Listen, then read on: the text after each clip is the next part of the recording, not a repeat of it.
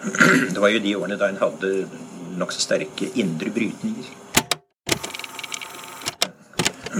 Indre brytninger.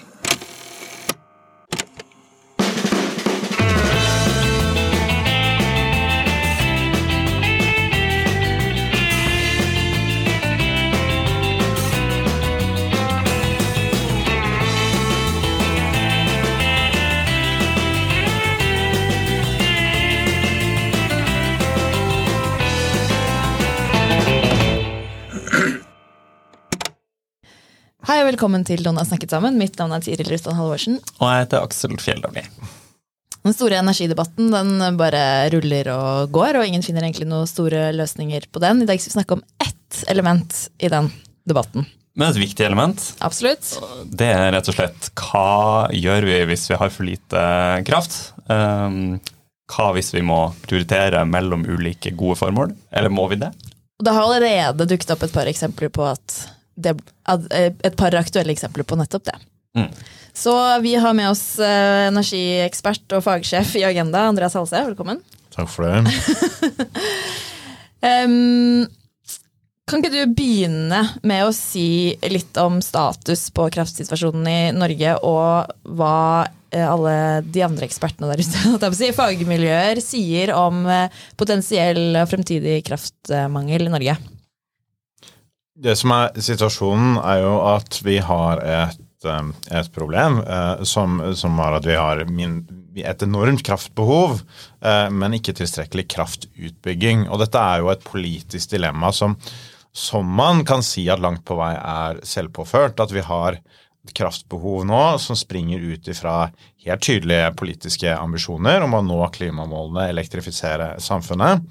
Og Derfor ser man jo at det er tett mellom rapportene som sier at vi trenger f.eks. 40 eh, nye terawattimer årlig inn i kraftsystemet innen, innen 20, 2030. Er det mye, eller? Det er mye. Eh, det, er, det er en tred, nesten en tredjedel av Norges uh, produksjon til nå. Uh, så det er Så 30% opp, liksom? Ja, ja. Andreas er jurist, ikke økonom. Ja, vi, vi, vi snakker de, eh, Dimensjonene, de dimensjonene. Og så eh, har man jo ikke på den andre siden vært villig til å gjøre de investeringene som trengs for å få på plass verken eh, kraften som trengs, eller nettet som skal til for å få det fram til bedriftene. For så anslår man at det mangler investeringer på sånn som 160 milliarder kroner i, i kraftnettet. Og hvis man tar bare et halvt blikk på samfunnsdebatten nå, så brukes det veldig mye mer energi på å hindre eh, utbygging av ny kraft enn det gjør på å faktisk få på plass eh, nye prosjekter. Og da får vi jo et stort, stort gap. Og da ser man jo disse prioriteringsdiskusjonene som nå, eh, nå presser seg fram. LO og NHO og en masse andre aktører som lagde det som heter Industripolitisk plattform, påpekte dette allerede våren 2021. Begynte å skissere kanskje vi trenger å prioritere tydeligere hvilke kriterier som skal ligge til grunn for tilgang til kraftnettet. Eh, Energikommisjonen eh, var innom det samme og snakket om at vi trenger å utarbeide noen kriterier for å vurdere samfunnsnytten, eh, for, å- for å vurdere søknader om nettilgang. Eh, Regjeringen har åpnet for, eh, for den samme diskusjonen. Eh, Strømnettutvalget var riktignok mye mer tilbakeholdne, men skisserte også, også det samme, eh, samme dilemmaet. Så her er det, her er det mange om beinet som, som gjerne eh, gjerne vil, vil prioritere kraften tydeligere i dag for å unngå den type situasjoner som, som vi har sett hvor bedrifter f.eks. står i, i kø. Mm, så, men liksom helt sånn banalt sagt, da, så er det liksom det at det er en masse nye ting som skal begynne å gå på strøm, som ikke har gått på strøm før. Det er det som er eh, årsaken. Og det at de skal begynne å gå på strøm, det handler om at eh, vi skal nå klimamålene. Det er en del av bildet. En annen del av Mm. bildet er jo at det er masse folk der ute som har en haug med gode industrielle prosjekter, som har lyst til å etablere ny industri i Norge. Eh, Og Statnett har jo sagt noe sånn som at vi kunne doblet energiforbruket nærmest over natta hvis vi hadde hatt eh, den nødvendige kraft, krafttilgangen, basert på da de, de søknadene som ligger inne. Ja, for, for Hva betyr det? For i dag, hvis du har et sånt, en god idé med noe industri, så må du søke om å få tilgang på den nødvendige kraften? Eller hvordan fungerer det her i praksis? Ja, det er riktig. Og utgangspunktet nå i energiloven er at det er eh, en for å si det veldig enkelt, en rett til å få kraft så lenge det er kapasitet til nettet. At hvis du vil etablere en industribedrift, så har du rett til å få den kraften du trenger. Og så må du gjøre du må jo gjøre fornuftige beregninger osv., men da har altså nettselskapet som opererer der du ønsker å etablere eh, en bedrift, en plikt til å, til å levere det. Mm. Eh, og det er jo ikke sant, det, det prinsippet som gjelder, er jo man skal si, først, først i tid, best i rett. Eller først, førstemann til mølla, som det, som det heter på, på godt gammeldags norsk. At det handler om å søke først. Og hvis det da blir en knapphetssituasjon eller mangler energi, så, eh, så vil det bli en, bli en, kødannelse hvor det er en ulempe da å søke, søke sent, for å si det litt enkelt. Ja, ikke sant. Sånn at hvis det er knapphet, så er det de som har søkt sist, de bare får ikke. Ja, altså Hvis det er knapphet, eh, så kan, så kan du få, få, nei, fordi eh, det, kapasiteten ikke eksisterer. Mm, mm. Men, men, kan du bare si knapphet på hva? Er det liksom overføringskapasiteten, eller er det tilgangen på energi?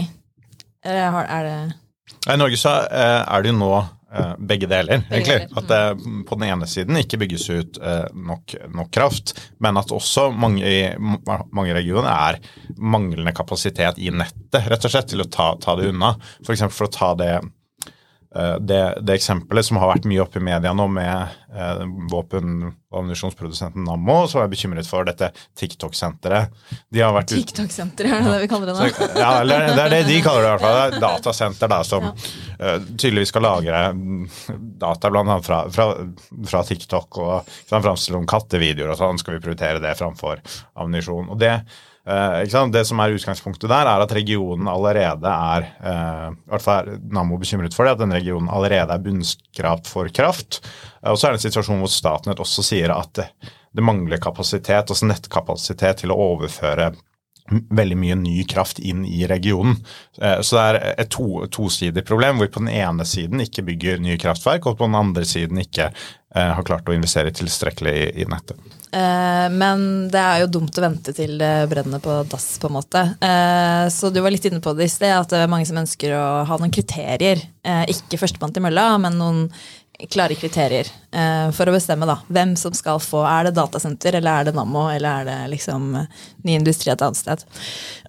Så hva tenker du om, eh, om, om det? Å lage noen eh, prioriteringskriterier?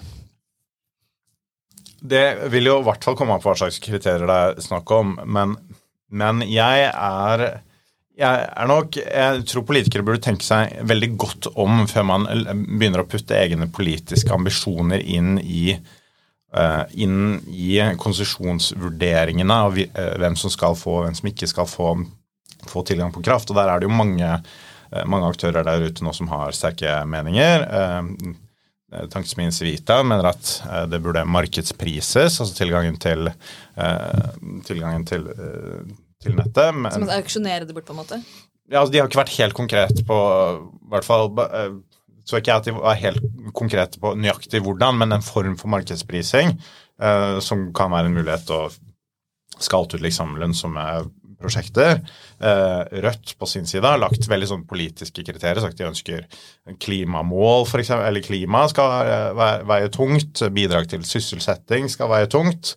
Um, SV har sagt de vil prioritere tungindustrien og hadde et utspill før sitt landsmøte hvor de til og med lister opp konkrete industriprosjekter som de mener skal få, få forrang, uh, forrang, i køen. Og i hvert fall å legge den type politiske ambisjoner inn i uh, en sånn prioriteringskriterier vil nok jeg være gans ganske skeptisk til. Og det tror jeg mange vil være også, fordi fordi det er vanskelig å gi gode, objektive slike kriterier som er egnet til å, til å stå seg over tid. Det betyr at man ikke skal prøve? fordi det er jo politikernes måte, oppgave å styre samfunnsutviklingen i en retning man ønsker og tror er best eh, for landet. Hvis man ikke skal ha noen, så blir det jo litt sånn ja, uvisst hva man får og Altså Det som er politikernes eh, oppgave er åpenbart å styre samfunnet. eh, Og legge til rette for god næringsutvikling, legge til rette for sysselsetting, legge til rette for at vi når klimamålene osv. Men spørsmålet er ikke om det er politikernes oppgave. Spørsmålet er om eh, den best egnede måten å styre samfunnet på er å overlate slike prioriteringskriterier til en stor grad av, av skjønn. Og datasentersaken som vi var innom i stad, er jo et godt eksempel på det. For det er jo ikke lenge siden politikere var veldig opptatt av datasenter. Det er en veldig viktig del eh, av, av norsk industri og noe vi skal satse på, leve av etter oljen og sånn. var ikke det gitt at vi hadde så mye overskuddskraft? At det var en god idé? Jo, det var i hvert fall en situasjon hvor man trodde at vi hadde mye mer overskudd, men det skulle satses vanvittig på. Så hvis man skulle laget kriterier på den tiden, eh, så kan man jo se for seg at det hadde, eh, hadde fått en annen status. Nå er det, nå er det helt motsatt fordi vi har ikke f.eks. en krig i Europa som tvinger fram disse, disse Nammo- Nammo-diskusjonene. Og så kan man jo se for seg igjen om noen år at Flere vil satse på datasenter igjen, bl.a. fordi vi trenger å lagre viktige helsedata, personvern eh, eller persondata om norske borgere. kan være lurt å, lurt å ha kontroll på data knyttet til veldig viktig norsk infrastruktur osv. Så, videre. så disse prioriteringene kan, kan skiftes veldig fort eh, over tid. Hvert de politiske debattene kan skiftes eh, over tid. Og hvis det skal føre til stadig endrede politiske kriterier, så vil det skape en veldig sånn eh, krevende situasjon, tror jeg, for eh, aktører som ønsker å etablere seg i, i Norge. Eh, Men i tillegg, som jeg kanskje er mer, eh, mer redd for, er at det her vil kunne skape et vanvittig sånn lobbyrace mot norske politikere. Fordi når man gir kriterier som er åpne for politikk og for skjønn, eh, så vil det også gi et insentiv til å bruke store krefter på rett og slett lobbykamp for at nøyaktig sin næring og sin bedrift skal komme inn under disse kriteriene. Da vil f.eks. store aktører i Norge, som Equinor, Norsk Hydro osv. ha veldig gode, gode kort på, på håndene til å kunne utforme både hvordan disse kriteriene ser ut og hvordan de operasjonaliseres, mens nye ideer eh, som kanskje kan være vel så, vel så nyttig, eller i hvert fall vil trenges, vil, vil kunne slite med, med å komme i posisjon da, i et sånt, sånt type regime. Så én ting er å si at vi vil ikke ha krypto, vi må prioritere. Det, det er en ganske enkel politisk sak. En annen ting er å lage kriterier som er egnet til å stå seg stå seg over tid og i tillegg skal, skal ha veldig, veldig omfattende politiske ambisjoner bak seg. Det tror jeg er en veldig mye mer krevende øvelse. Men vil ikke noen eh, klare prioriteringer og, og, og, og um, kriterier nettopp gjøre det skjønnsmessige mindre? Fordi at hvis man ikke har noen klare kriterier som, kriterier som alle er eh, klar over at finnes der, så eh, gir det mindre rom for, for politikeres egne skjønnsvurderinger underveis. Hvis det er sånn dette, dette, dette gjelder. Um, Istedenfor at det ikke skal være noen kriterier i det hele tatt. Så, så blir jo kanskje spørsmålet om man klarer å omsette um, den politiske ambisjonen til et klart og tydelig kriterium. Ja, men det er jo et annet spørsmål der man burde ha prøve, da. Ja, ja. Ja, altså, I dag så skiller man jo, så tar man jo ikke politisk vurdering. Det er jo lite rom for liksom, eh, for stor grad av, av politisk motivert skjønn, selvfølgelig, i, i, den, saks, i, i den saksbehandlingen. Eh, Så det er bare rett Men, og slett dette, det, altså, det har fungert greit i en tid, tid hvor man ikke må prioritere hardt. Men når det kommer til en tid hvor man må det, så vil jo eh, de samme store organisasjonene kanskje ha mer eh, ressurser til å søke tidlig, da, og vil alltid få for de andre. Og i tillegg kanskje vil lobbykjøret være minst like stort på alle de andre tingene som eh, tilgang på tomt eller eh, eller eh, tillatelser til havvind til sjøs. Altså, du blir ikke kvitt det lobbykjøret ved å ikke ha noen klare kriterier. Lobbykjøret i Norge tror jeg aldri det er mulig å bli kvitt. Og, det er ikke nødvendigvis et politisk mål heller. at Det er jo helt greit at næringslivet har, har meninger om rammevilkår som, som også angår de selv. Men å åpne st- stadig større deler av den politiske behandlingen om tilgang til, til tross alt ganske viktig infrastruktur for veldig mektige lobbyinteresser, det, jeg, tror, jeg tror bare at det er en lite klok, klok vei å gå, fordi det er vanskelig å se for seg kriterier som står seg over tid, og som er noenlunde, noenlunde nøytrale. Det vil være vanskelig å vurdere disse prosjektene også i en tidlig fase. Det er stor forskjell på å lage en god powerpoint, eh, vise den fram eh, til Arendal, overbevise en del politikere kanskje, reise rundt, eh, og, og, og, til det å faktisk, faktisk, levere et godt prosjekt som produserer både store verdier for Norge, som kutter klima, som, eh, som gir arbeidsplasser og alle disse kriteriene som, som ulike aktører nå, nå, eh, nå, ønsker å legge inn, at de er to ulike ting. Å presentere noe som kan se bra ut på papir, og det å faktisk gjøre det i i praksis. Og det, litt av det ser man allerede innunder dagens eh, regime, hvor kunder res eh, reserverer mye kapasitet. Kanskje ikke alltid klarer å, klarer å, følge opp det med konkrete planer. og Derfor har jo f.eks. Strømnettutvalget foreslått en form for køprising, hvor det skal koste litt penger å stå, å stå i den køen. Eh, det er jo kan jo i hvert fall være et virkemiddel som i noen grad skalter ut de mest, mest useriøse aktørene. Eh, en mistanke om at det kanskje vil være sånn at uh, i eh, en del um, hva jeg skal si, rimelige prioriteringssystemer, eh, så vil det være sånn at ting som faller innenfor den kategorien som er litt sånn nytt og innovativt og krever mye kraft, samtidig vil ha det vanskelig for å stå seg innenfor et prioriteringssystem. Det har vært drøfta i Energikommisjonen, hvis jeg husker riktig, et sånt kriterium som går på modenhet, eh, f.eks. Det du snakka om eh, som, som eh, er at man betaler for å stå i kø. Det vil jo være lettere for en etablert aktør med god kapitalbeholdning å stå i. Hvis man skal snakke om samfunnsmessig nytte så er det jo lettere å kunne på en måte dokumentere det med etablert teknologi enn med teknologier som ikke finnes lenger osv. Så, videre. så risikerer man ikke nesten uansett i en sånn mangelsituasjon der man må prioritere at denne type kraftkrevende innovasjon, eh, liksom eh, cutting edge kraftkrevende innovasjon, eh, vil, vil tape. da. Jo, det er jeg helt enig i, og det er noe jeg også syns er underkommunisert i hele denne kraftdebatten, er at nok tilgang på kraft er en ekstremt viktig forutsetning for, for, økonomisk vekst, rett og slett. Og hvis tilgangen til kraft forsvinner, så forsvinner også en av de veldig viktige forutsetningene for, eh, for økonomisk vekst. Og så er det dette med modenhet. Eh, det har jo også Aasland tenkt høyt om at kan være en mulig løsning. Og Strømnettutvalget er også inne på en tanke om det. Men det, det de sier, er at selv under selv med et, et slikt type kriterium, så, så vil det kunne åpne for en viss grad av skjønn. Så selv det, sier de, vil være krevende å, å utforme og må gjøres på en så, så objektiv og, og, nøytral måte som, som overhodet mulig.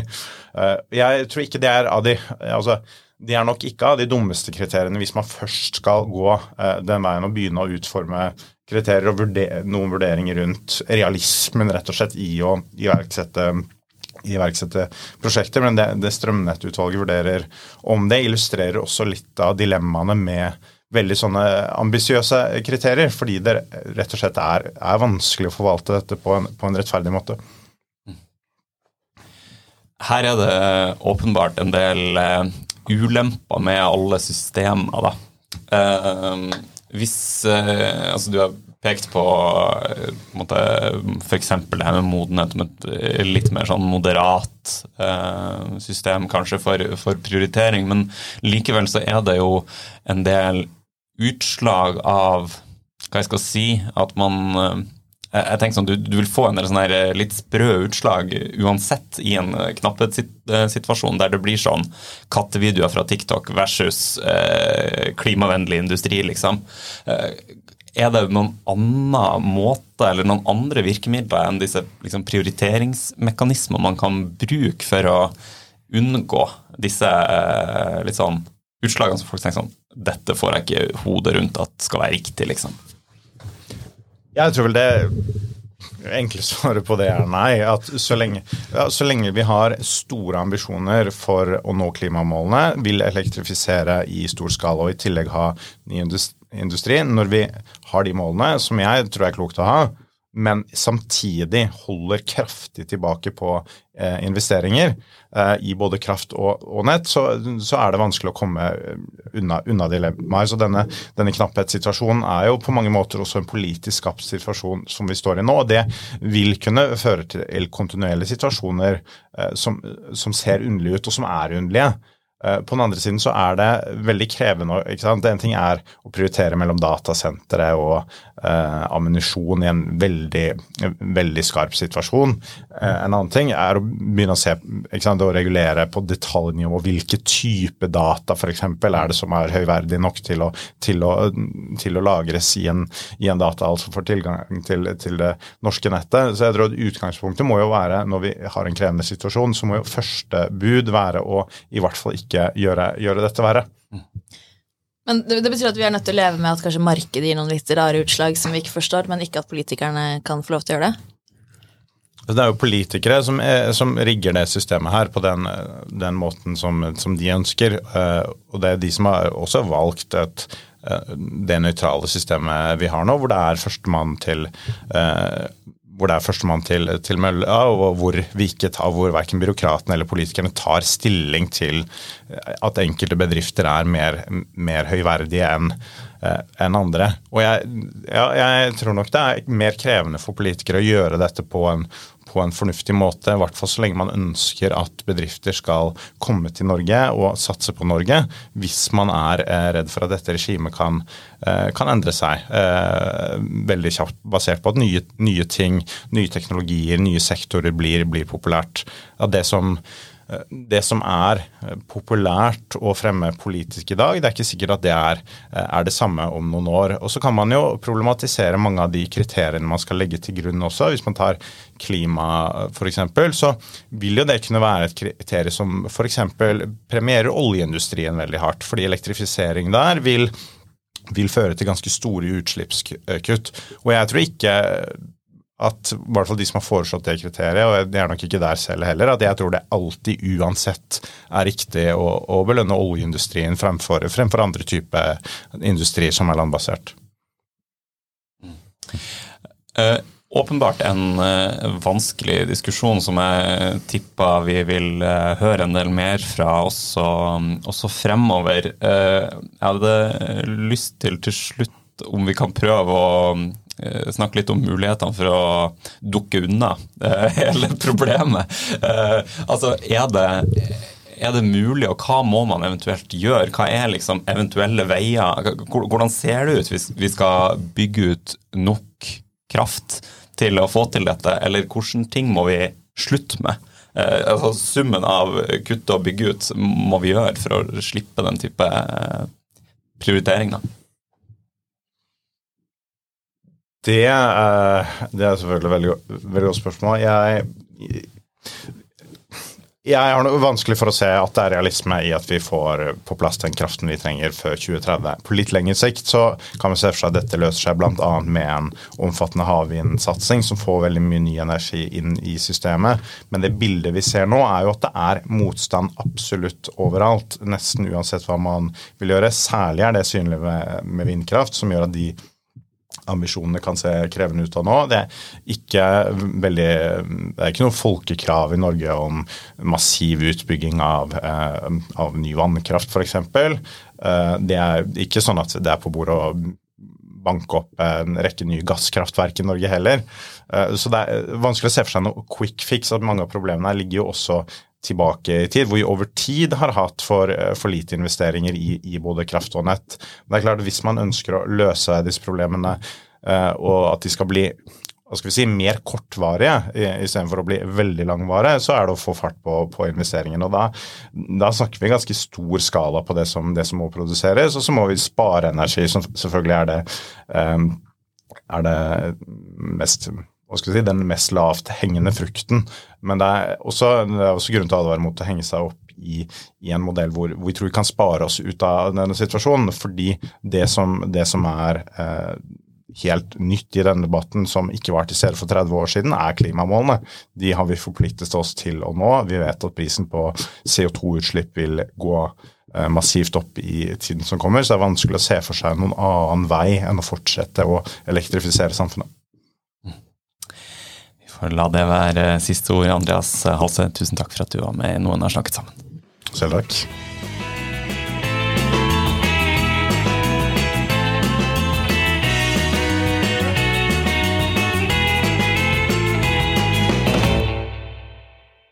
Uh, yes, Jeg tror det er en stund siden vi har rukket å anbefale noe, Aksel, men i, i dag er vi på. Ja, ja.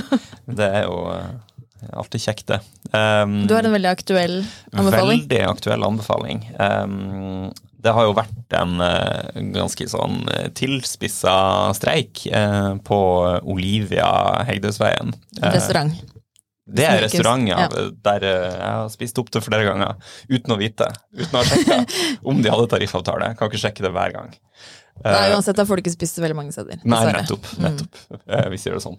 Eh, og der uh, har de jo streika for å få tariffavtale. Uh, Tilspissa konflikt, som det jo fort kan være når det er en uh, streik. Um, nå har de fått gjennomslag, og det, de får uh, tariffavtale. Yes. Så da er min anbefaling rett og slett å gå og spise med god samvittighet Ja. på eh, Olivia Heidesveen, for nå er det ryddigere forhold enn noensinne. Yes. Og da smaker cæsarsalaten ekstra godt, Nettopp. har jeg hørt. Og du? uh, nei, jeg husker ikke om jeg nevnte det før, da, men vi har fått en podkast til eh, på huset som heter Ideer. Og den er det jo våre kolleger eh, Hilde Nagel og Silo Taraku som eh, står bak. Og den, eh, nå har det kommet eh, ganske mange episoder, eh, faktisk, og det har vært en eh, anbefaling til, eventuelt, hvis vi har snakket om det før. Um, der har de eh, med seg bøker og folk, ofte forfatteren av disse bøkene, og snakker om um, ting som for eksempel eh, Silo hadde en samtale med Sturla Stålsett om religionens rolle i samfunnet. Veldig interessant. Uh, og Hilde Nagel eh, har blant annet snakket med Trygve Riiser Gundersen om hans bok om haugianerne og den haugianske bevegelsen, som også var veldig, veldig interessant. Så her er det veldig mye eh, mange interessante bøker med samfunnsaktuelle tvister å høre på. Spennende. Ja. Så ideer som du finner på både i iTunes og Spotify, anbefales. Da høres vi i neste episode. Yes. Ha det. Hei då.